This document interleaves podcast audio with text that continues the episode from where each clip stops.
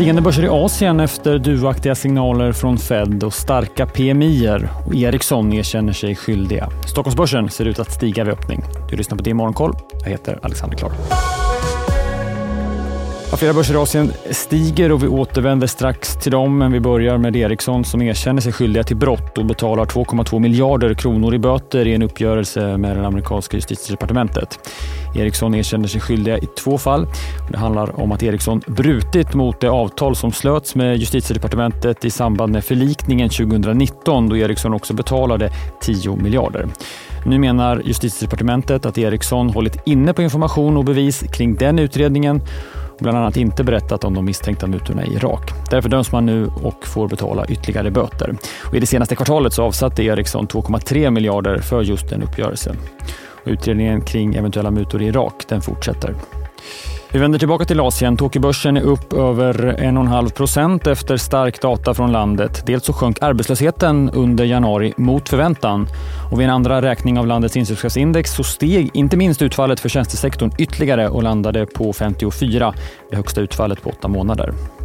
Kan också notera att de japanska tioårsräntorna brutit igenom centralbanken Bank of Japans tak för hur mycket de får röra sig. Mindre rörelser i Kina där börserna rör sig åt olika håll. Shanghai svagt uppåt, Shenzhen nedåt.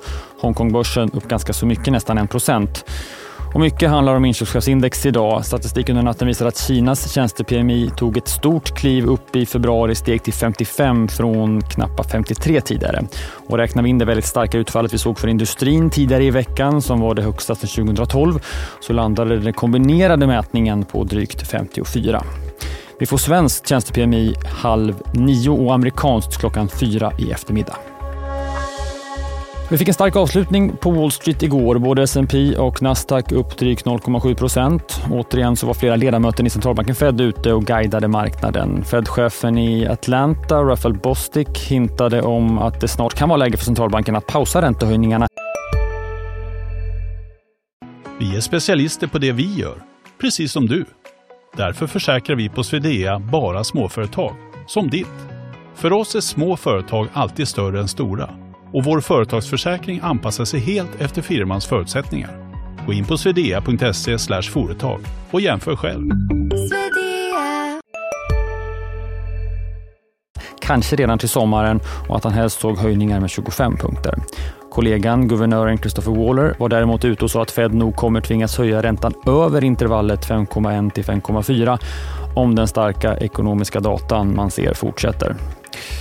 Det svenska riskkapitalbolaget EQT som vi rapporterade om igår efter bud på ett infrastrukturbolag är nu aktuell i vad som kan bli den största noteringen hittills i år. Enligt uppgifter till Bloomberg så har man återupptagit planerna på att notera hudvårdsbolaget Galderma. En notering kan ske redan i april. Och från USA också siffror över hur den amerikanska lastbilsmarknaden mår. Under februari så ökade antalet ordrar på tunga lastbilar från drygt 18 000 i januari till 23 600 i februari. För lite mindre lastbilar eh, som kallas klass 5 till 7 var orderläget intakt med vad vi såg i januari. EU-kommissionen har kommit ett steg närmare att godkänna Microsofts köp av speljätten Activision Blizzard. Enligt uppgifter till Reuters så är kommissionen nöjd med avtalen Microsoft slutit med bland annat Nintendo och Nvidia om att släppa Activisions titlar på deras plattformar.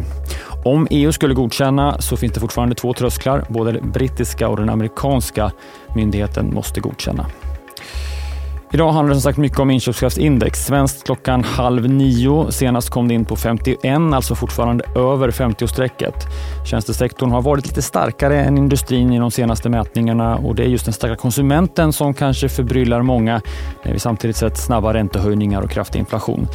I USA var det senaste utfallet som kom in över 55 oväntat starkt och nu tror marknaden att vi ser en liten tillbakagång, om än bara till 54,5 i eftermiddag. Vi får också månadsstatistik från de båda nätbankerna Avanza och Nordnet under morgonen. Båda aktierna har gått starkt i år, men frågan är om kunderna är lika starka. Vi har ju tidigare fått signaler om att fondinsättningarna minskat.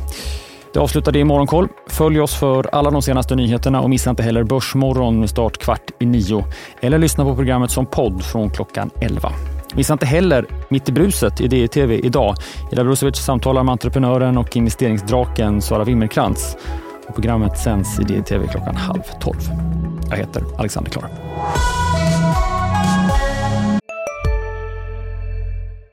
Där det finns ett samhälle, där finns det brott.